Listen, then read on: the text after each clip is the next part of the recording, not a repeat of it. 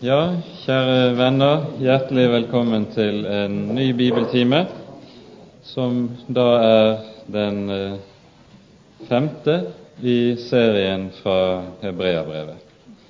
Vi prøver jo å gjøre det slik at vi gjennomgår ett kapittel hver gang. Noen ting får vi kommet litt grundigere inn på, og andre ting blir det ikke så grundig. Men sånn må det bli når vi arbeider på dette vis. I dag er det altså det femte kapittelet vi skal gjennomgå, og med det begynner også den hoveddelen av brevet der vi blir undervist om hva det vil si at Jesus er vår ypperste prest. La oss da be sammen.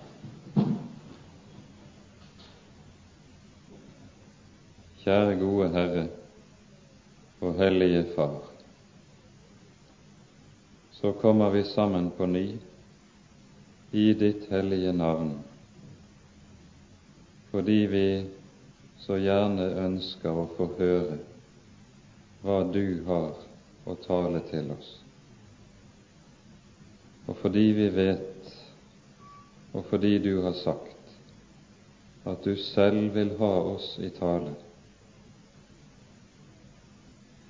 Nå ber vi, Herre, at du vil komme med din ånd og være til stede og gi oss det lys som leder oss inn til Jesus, inn i samfunnet med ham, slik at vi kan få lov til å bevares inntil enden. Kom, Herre du, Hellig Ånd at vi får se lys i ditt lys og leve. Vær Herre med min munn og med min tanke, at det som er av deg, får lyde. Amen.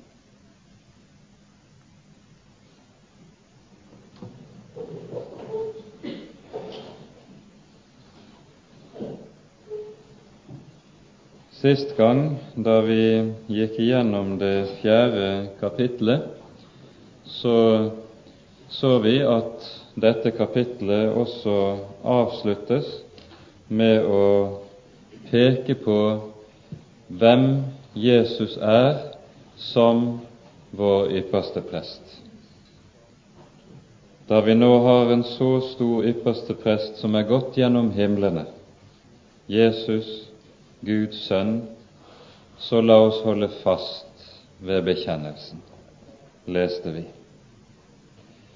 Et par ganger tidligere i Hebreabrevet er også Jesus omtalt som ypperste prest. Vi hører om det både i slutten av kapittel to og i begynnelsen av det tredje kapittelet. Men det er liksom foregripende at han omtales slik.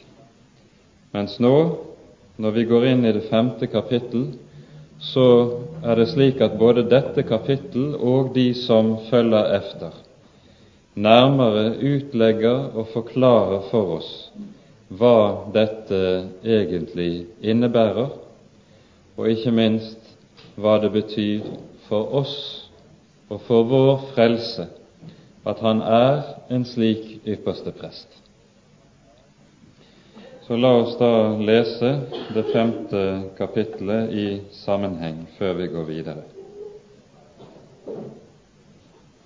For enhver ypperste prest blir uttatt blant mennesker og innsatt for mennesker til tjeneste for Gud, for å bære frem gaver og offer for synder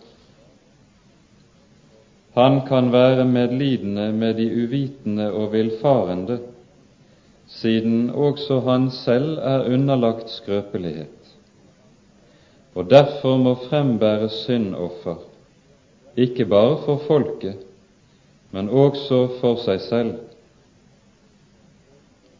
Og ingen tiltar seg selv denne ære, men han blir kalt av Gud like som Aron.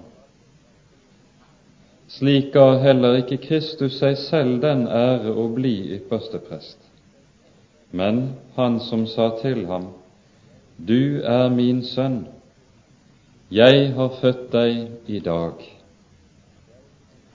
Likeså sier han også på et annet sted, Du er prest til evig tid etter Melkisedeks vis.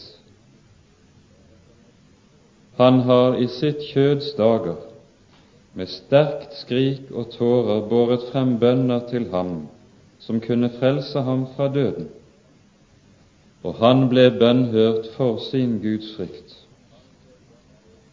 Enda han var sønn, lærte han lydighet av det han led, og da han var fullendt, ble han opphav til evig frelse for alle dem som er lydige mot ham og han ble av Gud kalt ypperste prest etter Melkisedeks vis. Om dette har vi mye å si som også er blitt vanskelig å utlegge, fordi dere er blitt sløve til å høre. For skjønt dere etter tiden burde være lærere, trenger dere igjen til at noen lærer dere de første grunnleggende ting i Guds ord. Dere er blitt slike som trenger til melk, ikke til fast føde. For den som ennå får melk, er ukyndig i rettferds ord. Han er jo et barn. Men fast føde er for de voksne, for dem som ved bruken har øvet sine sanser opp til å skille mellom godt og ondt Amen.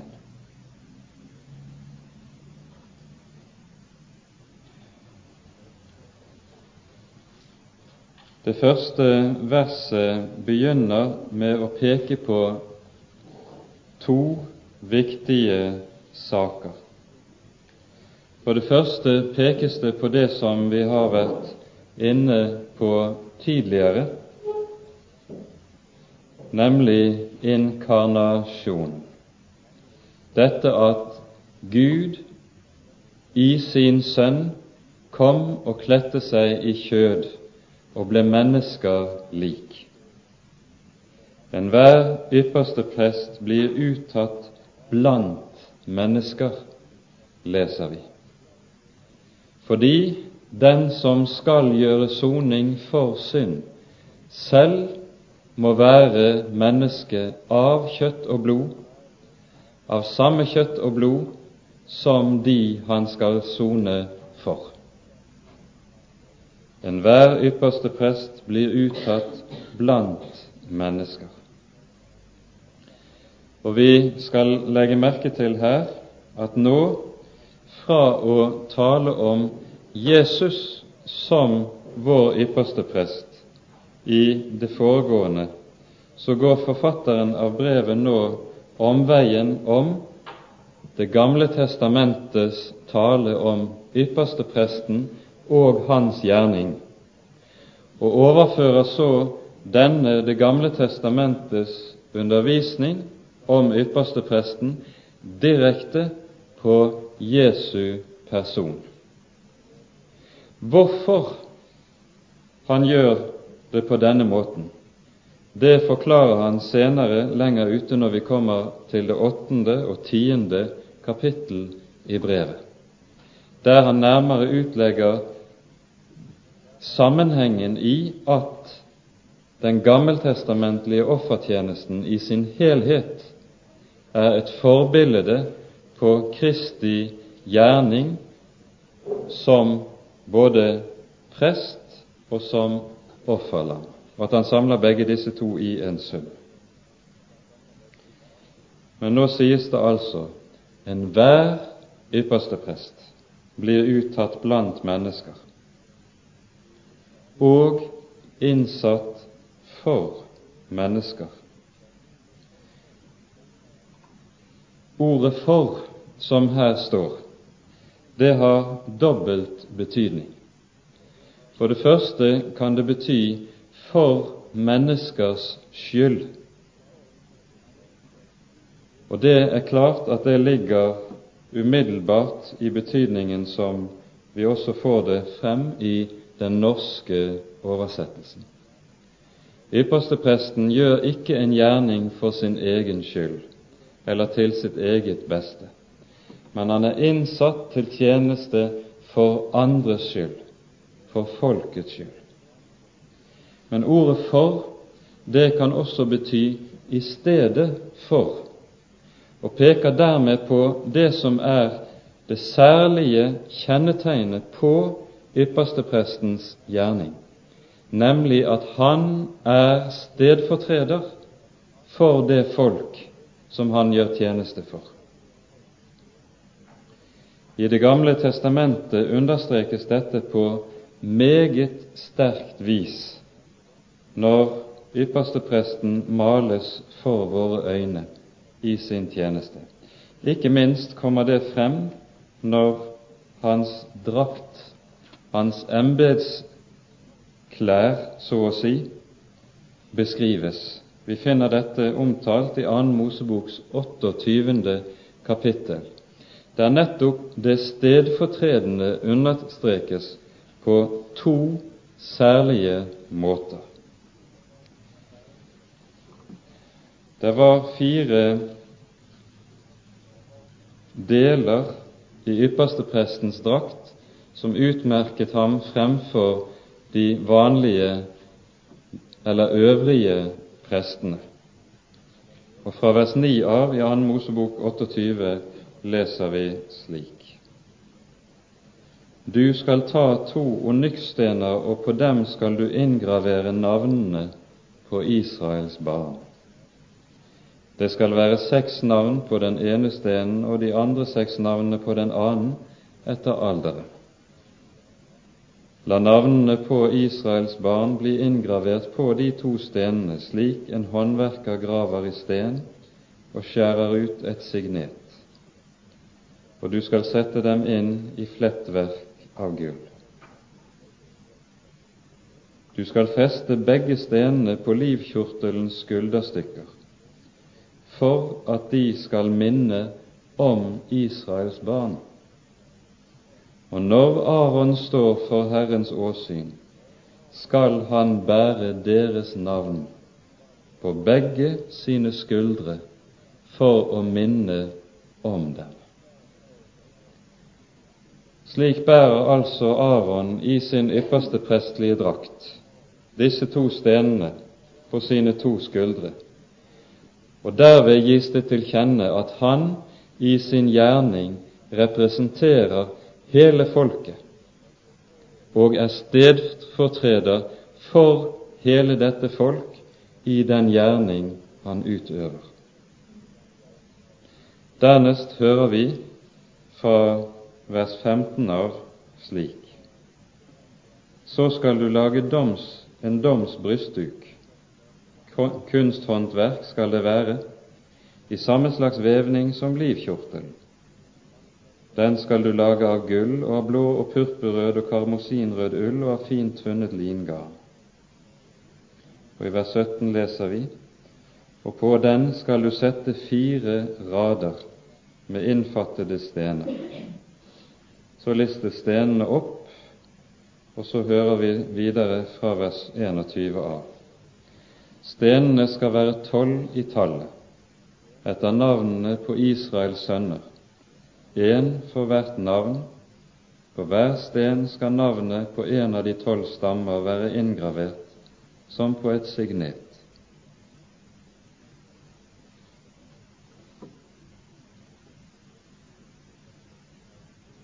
Til brystduken skal du også lage kjeder av rent gull, tvunnet som snorer. Likeså skal du lage to gullringer i brystduken. Så leser vi nærmere om hvorledes dette skal festes til eh, livkjortelen, og så hopper vi til vers 29.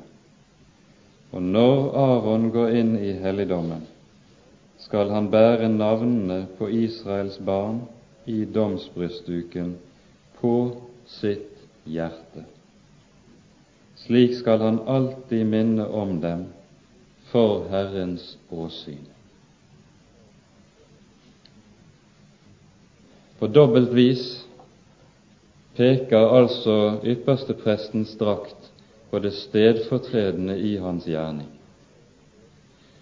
Og disse stenene de peker på for det første med at han bærer dem, de to onyksstener, på sine skuldre. Det sier at ypperstepresten skal bære hele tyngden av sitt folk. Og dernest de tolv stenene som man skal bære over hjertet.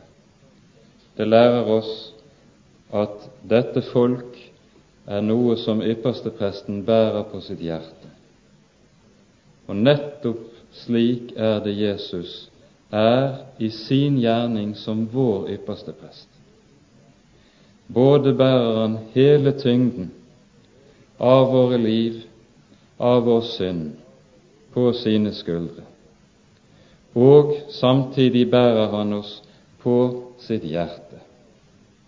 Og Leser vi nærmere beskrivelsen av denne brystduken, så kan vi understreke her at det sies uttrykkelig at den skal være slik at den ikke kan løses fra hans drakt.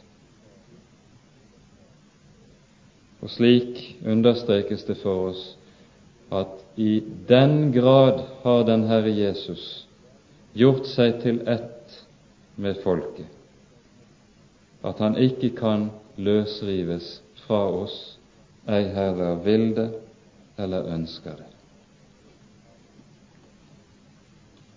Han innsettes for mennesker, altså for vår skyld, og i vårt sted gjør han tjeneste. Og denne tjeneste gjør han, leste vi videre i Hebreane 5.1, for Gud, for å bære frem offer for synder. Her er yppersteprestens gjerning i Tredje Mosebok 16. kapittel, der vi hører om den store forsoningsdagen, det viktigste forbildet. Vi skal ikke gå inn på det i detalj i dag. Det vil bli anledning til det senere i forbindelse med niende og tiende kapittelet. Men også der sies det uttrykkelig i forbindelse med alt som har med de sonende offer å gjøre. Ordlydene står det således skal han gjøre soning for folket, så de får forlatelse. Merk følgesetningen som står. Det skjer en handling for Guds ansikt i og med offeret. Og denne handling, som er en objektiv og ytre handling, den har en helt bestemt følge for folket, for synderne, for oss, nemlig så de får forlatelse. Og dette er en ordning som er gitt og innstiftet av Herren selv. Det er Gud selv som har ordnet det slik at Han vil gi forlatelse på disse betingelser, men ikke på andre betingelser. Og Han som selv har innsatt og villet det slik, skulle da Han ikke også tilgi når det er gjort soning i samsvar med Hans vilje? Jo, nettopp fordi dette er noe som er innstiftet av Herren selv, er det som kan gi oss den sikreste forvissning om at fordi det er Gud som har gjort dette, innstiftet dette, og fordi den, den soning som blir gjort, derfor også i samsvar med Guds vilje, derfor kan vi vite at syndenes forlatelse står fast. Den er ikke noe uvisst. Det hefter ikke noe kanskje ved det. Men så sant Jesus er død, så sant eier vi også tilgivelse for all synd, uten unntak i Hans navn. Han kan være medlidende med de uvitende og villfarne, siden også han selv er underlagt skrøpelighet. Vi hørte om at ypperste presten skulle bære folket på sine hjerter. Og dette Jesu hjertelag for syndere, det møter vi jo overalt også i evangeliene. De strømmet til han, det var like som en duft som trakk dem inn i hans nærhet. Alle syndere og tollere holdt seg nær til ham for å høre, hører vi i Lukas evangeliets 15. kapittel. For de fornemmet at her, her var den som hadde hjelp for dem. Hos fariseerne fant de ikke hjelp, men her var det en. Vi skal legge merke til en særlig ting her i det andre verset. Han kan være medlidenhet med de uvitende og villfarne. Her henspilles det til en særlig lov i Det gamle testamentet. Det var nemlig én slags synd som det ikke var soning for. Vi hører om denne i Fjerde Moseboks 15 kapittel. Og Jeg tror at også i dag kan det være viktig å understreke akkurat det som står i disse versene.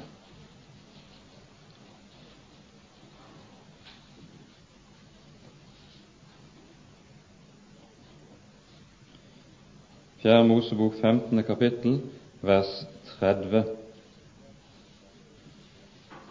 Den som gjør noe med oppløftet hånd, enten det er en innfødt eller en fremmed, han håner Herren, og han skal utryddes av sitt folk. For han har ringeaktet Herrens ord og brutt Hans bud.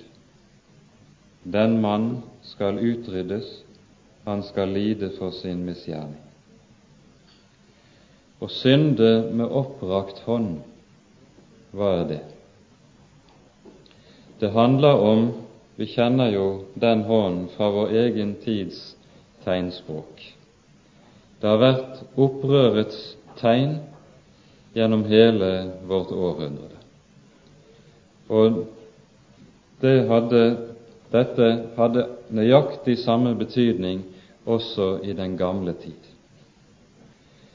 Synd og synde med opprakt hånd, det innebærer at man gjør det opprør mot Gud at man sier disse dine bud bøyer jeg meg ikke for, vil jeg ikke innrette meg etter, jeg vil tvert om leve i strid med det, for å leve i strid med disse bud er rett. Da sier man egentlig at Guds bud er onde. Det er å synde med oppbrakt hånd. Slike mennesker hører vi skulle støtes ut av Israels menighet, fordi det var intet offer tilbake for dem. I våre dager har dette fått sin fryktelige parallell i den kristne kirke.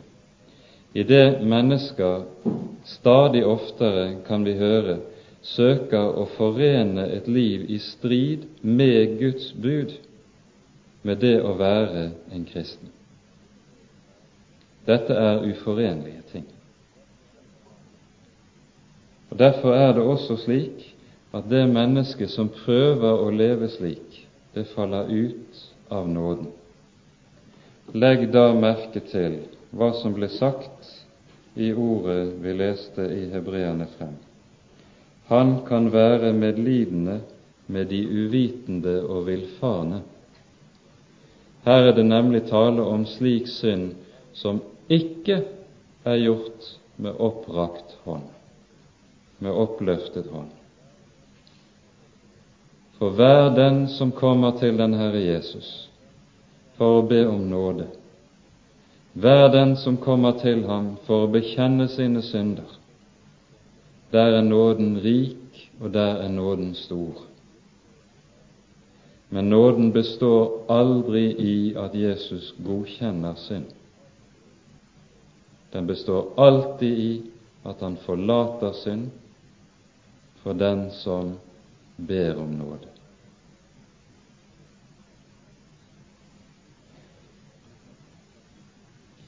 Dette sagt inn i en ikke uaktuell situasjon som vi strever med i dag. Nå går forfatteren i Hebreabrevet videre, og vi leser fra vers 4. Ingen tiltar seg selv denne ære. Heller ikke Guds sønn, forstår vi, tiltok seg selv den ære å bli prest, ypperste prest for Guds folk. Det var Gud som kalte Aron, som utvalgte Aron til hans tjeneste. Og på samme vis har også den allmektige utvalgt sin sønn fra evighet for at han skal være vår ypperste prest og vår soning for synd. Det er overmåte viktig å ha dette klart for øye, for for det første understreker evangeliet at det budskap som vi får ved evangeliet, det er ikke menneskeverk. Dersom frelsen skulle være resultat av at mennesker på eget initiativ hadde foretatt seg det ene eller det annet for å løse oss, bringe oss vei tilbake til Gud, da hadde det ikke rukket til. Derfor sier Paulus også i Galatane 1.: Det evangelium jeg har forkynt dere, er ikke menneskeverk. Budskapet er både etter sitt innhold og etter sitt opphav ovenifra. Derfor er det også slik at det fortoner seg fremmed for mennesker. Og vi må være klar over ikke minst i våre dager, hvor det har vært en lang tradisjon i teologien at man har tenkt slik at man har villet forklare innholdet i evangeliet, innholdet i Det nye testamentet, på bakgrunn av ulike slags strømninger eller åndsretninger i Det nye testamentets samtid. Noen har letet der, andre har letet der, og så har de funnet ut Jesus var påvirket av den retning, han var på, eller en annen sier han var påvirket av noe ganske annet. Nei. Sannheten er at evangeliet var helt nytt i sin samtid. Og det kom som den største overraskelse, det være seg for fariseere eller saduseere eller herodianere eller essenere eller hedninger eller hvem det måtte være. Det var en nyhet. Og menneskene, når de begynte å oppdage hva det var, så meldte også en stor overraskelse seg. Nettopp fordi dette ikke var av mennesker, men av Gud. Det var ovenfra. Dette understrekes på mange måter i vår bibel. Hos profeten Sakarias står det i det sjette kapittel om Messias når han skal komme. Det er et underlig uttrykk som er vanskelig å oversette fra hebraisk, men i våre bibler er det oversatt slik Han skal spire frem av sin egen rot, hvilket innebærer at han skal ha sin kilde i seg selv, og ikke noe utenfor seg selv. Derfor kan aldri evangeliet, aldri Jesu person og budskap, forklares på bakgrunn av sin samtid. Han skal spire frem av sin egen rot, sier profeten. Og Når Jesus taler med jødene i Johannesevangeliets åttende kapittel, sier han dere er nedenfra, jeg er ovenfra. Dere er av verden, jeg er ikke av verden. Så blir det også slik at alle forsøk på å forklare evangeliet, innholdet i Det nye testamentet, på bakgrunn av dets samtid, de vil alltid strande på testamentet selv. Det annet vi skal merke oss i denne sammenheng, er det vi hører i Johannesevangeliets femte kapittel, der Jesus taler om seg selv og om sin gjerning.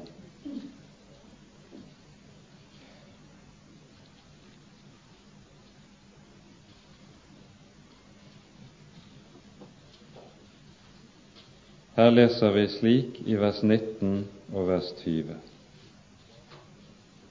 Jesus svarte og sa til dem, Sannelig, sannelig, sier jeg dere, Sønnen kan ikke gjøre noe av seg selv, men bare det han ser Faderen gjør. For det han gjør, det gjør Sønnen likeså.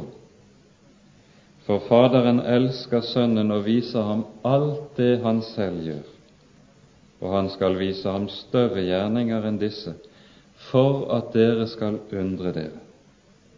Og i vers 30.: Jeg kan ikke gjøre noe av meg selv. Etter det jeg hører, dømmer jeg. Og min dom er rettferdig, for jeg søker ikke min vilje, men Hans vilje som har sendt meg. når selv Guds sønn, den syndfrie, den rene og rettferdige, ikke kunne gjøre noe av seg selv, hvor meget mindre skal da de som hører Han til, søke å gjøre noe av seg selv? Vi skal merke oss når Jesus taler slik, så er det på bakgrunn av det som er det innerste vesen i synden, som består av én ting, nemlig at mennesket søker å løsrive seg fra Gud og etablere seg i selvstendighet og uavhengighet av Den hellige.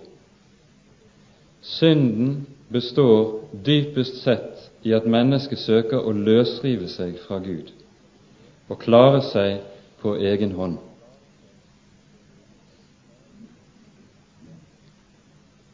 Det er denne grunnsynden Jesus overvinner og gjør opp med når han taler som han her gjør. Jeg kan ikke gjøre noe av meg selv. Når mennesket gjør noe av seg selv, for seg selv, i det det søker seg selv, så er det revnende likegyldig om dette ser godt ut eller ondt ut. Det mennesket som lever uten Gud, kan utmerket godt se utrolig både fromt ut, prektig ut, ja, være imponerende i sin religiøsitet. Men fordi dette er noe som er løsrevet fra Han som er kilden, blir det dog ondt. Dypest sett er det dette som var fariseernes synd. De søkte sin egen rettferdighet i stedet for å ha kilden hos Han som er Herre. Dette er en gjennomgangstone gjennom hele Johannes evangeliet, der det på ny og på ny understrekes av Jesus selv at han er utvalgt av Faderen, utsendt av Faderen, og blir bevitnet av Faderen. Ingenting gjør han av seg selv. Legg merke til det når dere leser evangeliet.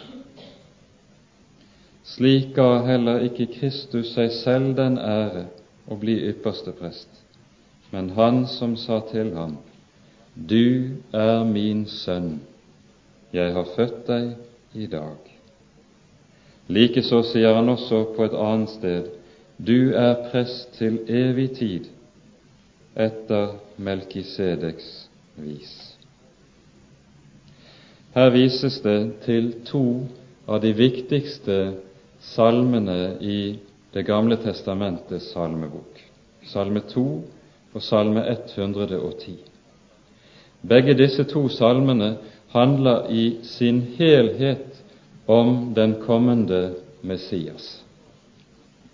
Vi skal her ikke gå inn i detalj på å se nærmere på disse, men vi skal bare begrense oss til én hovedsak, nemlig det som sies i Salme 110, vers 4, der Herren sier til Messias, Du er prest til evig tid etter Melkisedeks vis. Hva ligger det i dette? Dette dveler forfatteren av hebreerbrevet meget ved senere, men et par ting skal vi peke på i denne sammenheng. Melkisedek hører vi om i Første Moseboks 14. kapittel.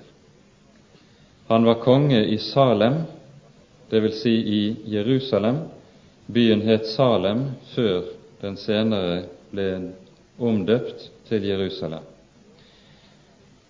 Og han kommer ut av byen og møter Abraham etter at Abraham vender tilbake når han har seiret over kongene fra Mesopotamia og har befridd Lot fra deres fangenskap.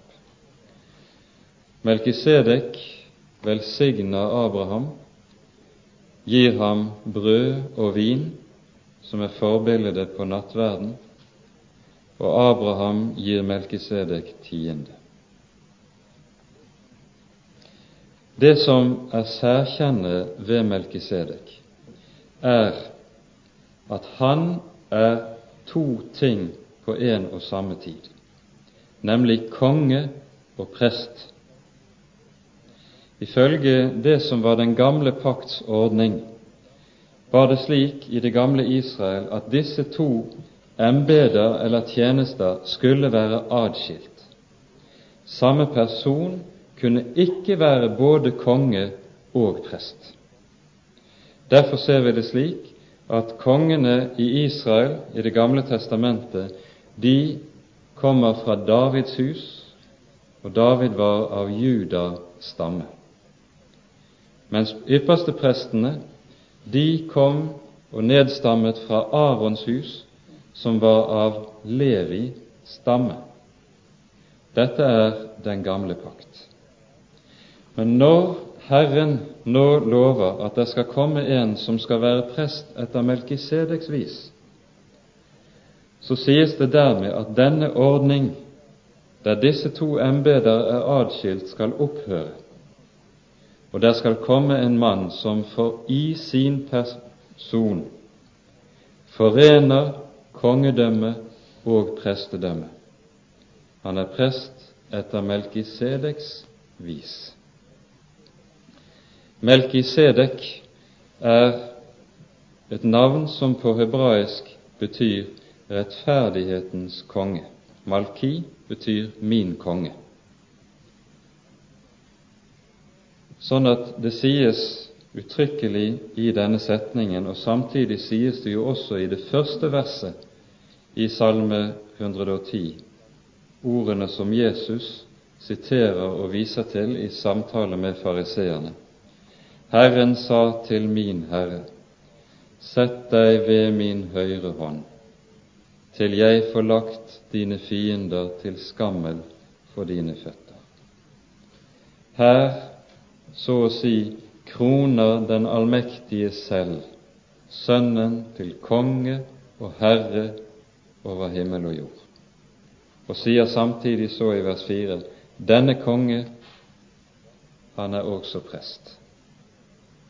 Og så forstår vi med dette at dermed avsluttes og avløses den ordning som det vi fant i Det gamle testamentet, med en ny ordning som hører til den nye pakt, der Guds sønn både er prest og konge for sitt folk, og forener dette i én og samme person.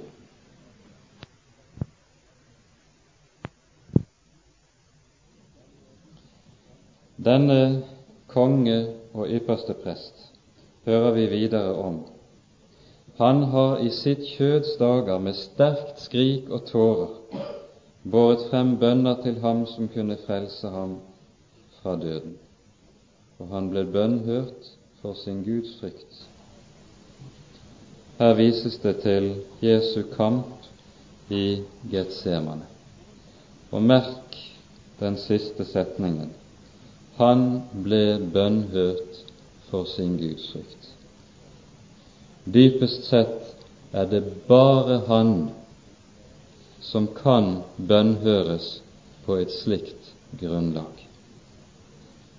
Gud kan ikke bønnhøre én eneste av oss for vår gudsfrykts skyld, for den er så halv og så gjennomtrukket av synd og av skam at var det det han skulle bønnhøre oss for, hadde vi aldri fått svar, aldri blitt hørt. Men Guds sønn, han blir bønnhørt på dette grunnlag, fordi han var den rettferdige. Vi bønnhøres på et annet grunnlag, det som vi leser i den 143. salmen, og som kan være vel verd å minne seg selv om ofte. Herre, hør min bønn, vend øret til mine inderlige bønner. Svar meg i din trofasthet, i din rettferdighet. Og ordet som står for 'i' her, det betyr ved eller på grunnlag av. Svar meg ved din trofasthet, på grunnlag av din rettferdighet. Når Han altså skal bønnhøre meg, skjer det ikke på grunn av min rettferdighet, men på grunn av sin. Derfor leser vi også i verset etter og gå ikke i rette med din tjener, for ingen som lever, er rettferdig for ditt åsyn så skal vi vite at når vi ber, så er vår bønn aldri grunnet på vår lydighet, vår seier over synd eller vår gudsfrykt. Det er grunnet på at Han er Herren, den rettferdige. Og tør vi si videre at Jesus er gudfryktig ikke på at jeg er gudfryktig. Vi leser i vers 8 her hos hebreerne. Enda han var sønn, lærte han lydighet av det han led. Her møter vi en sannhet som vi støter på en rekke steder ellers i Det nye testamentet. Klarest uttales den for oss i Galaterbrevets fjerde kapittel. I tidens fylde utsendte Gud sin sønn, født av en kvinne, født under loven. Og Det er et uhyre viktig ord å merke seg. For det som her sies og understrekes, er nemlig at han som er Guds sønn, han er jo den som ga loven på Sinai. Han er den som åpenbarte seg for Israel, for folket på Sinai. og talte de ti ord. Og som lovens giver står han prinsipielt derfor også over loven. Men inkarnasjonen, at han blir menneske som oss, bærer i seg at han som er lovens giver, nå gir seg inn under loven for å bli den som oppfyller loven, for vår skyld og på våre vegne. Det er det det, det betyr når det taler om at han lærte lydighet. Og det er denne hans lydighet som er kilden til vår frelse. Da han var fullhendt, ble han opphav til evig frelse for alle dem som er lydige mot ham, leser vi. Og Her skal vi legge merke til at her er det tale om to ulike slags lydighet. For det første Sønnens lydighet, som er lydigheten under loven. I det han fødes under loven og oppfyller Guds lov i vårt sted, for vår skyld, på våre vegne. Og Dernest er det tale om en lydighet under evangeliet, som er vår lydighet. Denne lydighet kalles for troens lydighet i innledningen til Romerbrevet. Merk også ordene som vi finner i apostelgjerningenes femte kapittel i det 32. verset.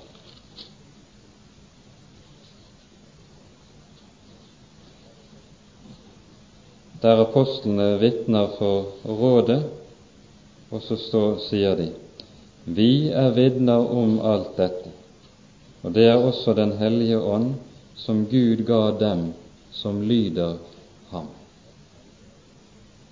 Dette kalles altså for troens lydighet i innledningen til Romerbrevet.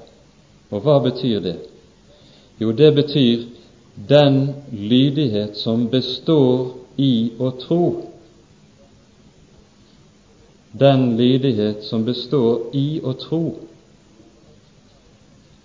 Det er altså her ikke tale om lydighet under loven men det er lydighet under evangeliet, nemlig slik at evangeliet, budskapet om Jesus, om at han rettferdiggjør alle som tror på ham ved troen. Dette budskap, der det får synke inn, gjøre sin gjerning slik at det blir til tro. Da skapes det som heter troens lydighet, den lydighet som består i å tro. Og den kan bare skapes av evangeliet, ikke av loven. Den kan ikke skapes ved noen slags bud eller forbud, men bare ved budskapet om hvem Jesus er, og hva han har gjort. Merk forskjellen på disse to slags lydighet. For ofte så kan vi høre der i forkynnelse der det ikke skjelnes og skilles rett mellom loven og evangeliet, så tales det om dette at vår frelse er avhengig av og hviler på at vi går lydighetens vei. Og så er det tale om at denne lydighetens vei, den må du gå helt til slutt. Og denne lydighetens vei består i seier over synden og over det gamle mennesket. Da tales det ikke rett. For denne lydighetens vei, den har ingen ende. Og denne lydighetens vei, som er under loven, den er av en slik art at vi går til grunne på den alle som en, for den er over evne. Den lydighet som består i å tro, tro Gud på Hans ord, tro det vitnesbyrd Gud har vitnet om sin sønn. Det er nemlig en helt annen slags lydighet, og som dypest sett bare finnes hos dem som har gått fallitt i forsøket på å gå det de kaller lydighetens vei. De som har oppdaget at dette, dette er meg umulig. De som dette også er blitt en nød og en pine for. Når de begynner å se at mitt barnekår hos Gud det hviler på noe ganske annet enn min lydighet, nemlig den hviler på Jesu lydighet, på at Han har gått lydighetens vei, på at Han har fryktet Gud og er rettferdig. Da får hjertet og samvittigheten hvile, og da skapes troens lydighet som hviler, som vi var inne på sist gang. Da han var fullendt, ble han opphav til evig frelse for alle dem som er lydige mot ham, og han ble av Gud kalt ypperste prest etter Melkisedeks vis. Nå kommer det annet avsnitt i dette kapittel, fra vers 11 til vers 14. Om dette har vi meget å si, som også er vanskelig å utlegge, fordi dere er blitt sløve, blitt trege til å høre. Vi hører et sted i evangeliene, Matteus 13, at Jesus ikke kunne gjøre mange kraftige gjerninger på det sted på grunn av deres vantro. Det er altså slik at vantro hindrer Guds gjerning. Den som er forkynner, har også en god del erfaring med det som står her i det ellevte verset. For til tider kan det være slik i en forsamling der det virkelig er åpenhet for Guds ord og tørst etter Guds ord, da er det like som slik at tilhørerne i seg selv åpner, slik at budskapet på en helt annen måte både får et lys og en kraft som slett ikke kommer av at forkynneren har så meget å fare med, men i at Guds ånd på en særlig måte virker der det er slik åpenhet. Og så kan du oppleve i andre forsamlinger at det er fullstendig lukket, der menneskene sitter med lukkede hjerter og med lukkede ansikter. Og så er det likesom også slik at forkynneren blir stående og stange på prekestolen, fordi det er umulig likesom å komme til og komme ut med budskapet. Forsamlingen avgjør i veldig sterk grad hvorledes budskapet får lyde. Her er det et samspill, og det er noe av den erfaring som Hebreabrevets forfatter her viser til. Og her er vi igjen tilbake i det som var hebreernes nød. Trege var de blitt til å høre. Og vi husker formaningen fra det tredje kapittel som lød med en veldig styrke. I dag om dere hører Hans røst, da forherd ikke deres hjerte. At det var blitt vanskelig å undervise, hadde ført til at denne forsamlingen, som burde bestå av en stor mengde modne kristne, kristne som var nådd så langt i troen at de alle i og for seg kunne vært lærere i troen.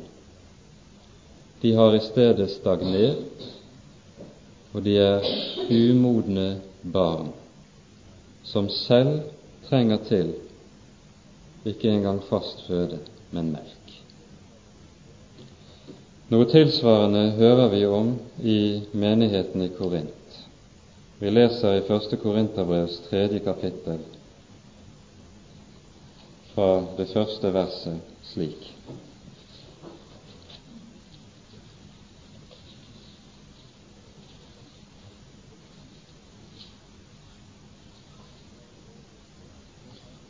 Jeg, brødre, kunne ikke tale til dere som til åndelige, men bare som til kjødelige, som til småbarn i Kristus. Melk ga jeg dere å drikke, ikke fast føde, for dere tålte det ennå ikke. Heller ikke nå tåler dere det, for dere er ennå kjødelige. Og så peker han på hvilke utslag kjødeligheten får i menigheten i form av strid og splid som bevirkes av denne åndelige umodenhet. Dere er enda kjødelige. Kjødelige kristne er umodne kristne. Men hva er det som kjennetegner denne kjødelighet, kan vi så spørre. Jo, det er at den er meget selvbevisst. Den er av en slik art og ytrer seg av en slik art at den gjerne vil belære apostelen om hvordan han burde tale, og hvorledes han burde forkynne. Disse kjødelige kristne var meget kloke i egne øyne. Såpass kloke at de mente seg å vite hvorledes forkynnelsen burde og skulle lyde dersom de skulle nå de folk som bodde i Korint. Og apostelen fikk høre at slik han forkynte, så ville folk i hvert fall ikke ta imot budskapet der i Korint. Da måtte man legge det an på en helt annen måte, som folk kunne akseptere og finne lettere å ta imot. Og dette hørtes jo svært så fornuftig ut. Men nettopp det var også kjødelighetens innerste, at den vurderte alle ting etter hva som virket fornuftig, og ikke etter hva Guds ord sier. Og på de to ting er det stor, stor forskjell.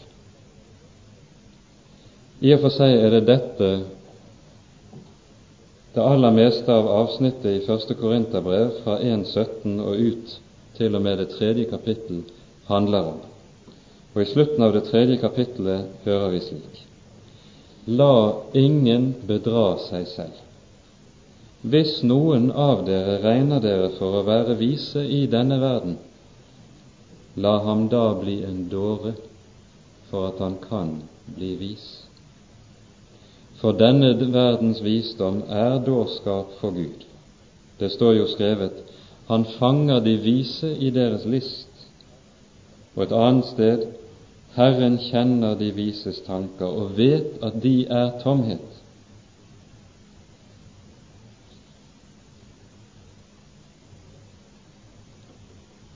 Det som kjennetegner åndelige kristne, til forskjell fra kjødelige kristne, det er at de har et øre som er åpent.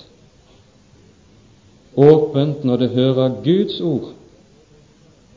Åpent også når dette Guds ord kan virke ufornuftig, også når dette Guds ord kan virke hårdt, også når dette Guds ord kan virke som det strider imot alt jeg føler og kjenner.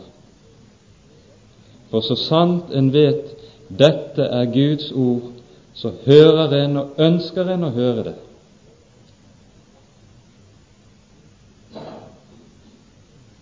Den åndelige kristne til forskjell fra den kjødelige kristne. Han vil ikke belære Guds ord. Og han vil ikke belære Herrens apostler. Han bøyer seg i stille tilbedelse. Og Derfor er det også Jesus sier i en annen sammenheng Jeg priser deg, Fader, himmelens og jordens skaper, fordi du har skjult dette for de vise og forstandige, men åpenbaret det for de umyndige. Om noen tykker seg å være vis i denne verden, han blir en dåre for at han kan bli vis i ordets egentlige mening. I ordets guddommelige mening. Dette skaper modenhet, mens den treghet til å høre Guds ord, som vi dessverre møter så altfor meget av i vår tid, som springer ut av overfladiskhet eller verdslighet eller hva det nå må være, den vil nettopp fordi den er treg til å høre, også forbli i den stilling at det aldri blir åndelig vekst. Aldri blir åndelig modning, og derfor heller ingen utvikling i kristenlivet. Derfor og på denne bakgrunn er det at apostelen Peter sier i en annen sammenheng når han avslutter brevet sitt. Voks i nåde og kjennskap til den Herre Jesus Kristus. I vers 14 slutter kapittelet slik.: Fast føde er for de voksne, for dem som ved bruken har oppøvd sine sanser til å skille mellom godt og ondt. Til åndelig modenhet hører også åndelig dømmekraft. Og denne dømmekraft er av en ganske annen art og et annet vesen enn den kjødelige dømmekraft, som bare dømmer etter hva folk synes er fornuftig, men ikke hva som er guddommelig sannhet og visdom. Det står om Arons oppgave som ypperste prest i Tredje Moseboks tiende kapittel, et ord som gjentas i en rekke sammenhenger ellers i Gamle testamentet. Han skal lære Israel å skille mellom rent og urent, mellom hellig og vanhellig. Her handler det nemlig ikke bare om lenger å kunne se forskjell på hva de ti bud bedømmer er forskjellen på rett og galt. Det lærer man ut fra barnelærdommen. Men her handler det om den modne dømmekraft som ser forskjell på hva som er ånd og kjød, som ser forskjell på hva som er sannhet og løgn, som får forskjell på hva som er hellig og vanhellig i Guds rike. Nettopp fordi dette krever åndelig modenhet, er det også slik at Det nye testamentet lærer at nyomvendte kristne og unge aldri skal settes til lærere i Guds menighet. Men de som har den åndelige modenhet som kommer gjennom års samliv med Kristus i Guds ord. De skal ha det ansvar. Det kan det være meget å si om som vi her ikke har tid for. De som ved bruken har oppøvd sine sanser. Hva er det for en bruk som gir slik øvelse? Jo, det er bruken av Guds ord ved å bruke Guds ord og la dette ord få lov til å gjøre sin gjerning hos meg og i meg i hele sin fylde, så virker ordet vekst, utvikling, modning i troen, slik at man etter hvert når dit som apostelen her taler om, for ordet han kaller, bruker for å tale om å være voksen, det betyr egentlig å være hel eller fullkommen. Da menes det ikke syndfri i, etter lovens mening, men det å ha nådd inn til manns modenhet i troen på Kristus, slik Paulus taler om i Feserbrevets fjerde kapittel. Dette er noe kristne skal strekke seg imot. De skal aldri, aldri nøye seg med at jeg har lest tre sider i Bibelen, og derfor vet jeg hva kristendom er. Altfor meget og altfor ofte møter vi den ånd i dag. Mennesker som aldri leser Bibelen, men de vet så altfor godt hva kristendom handler om. Nei, slik er det ikke i Herrens rike.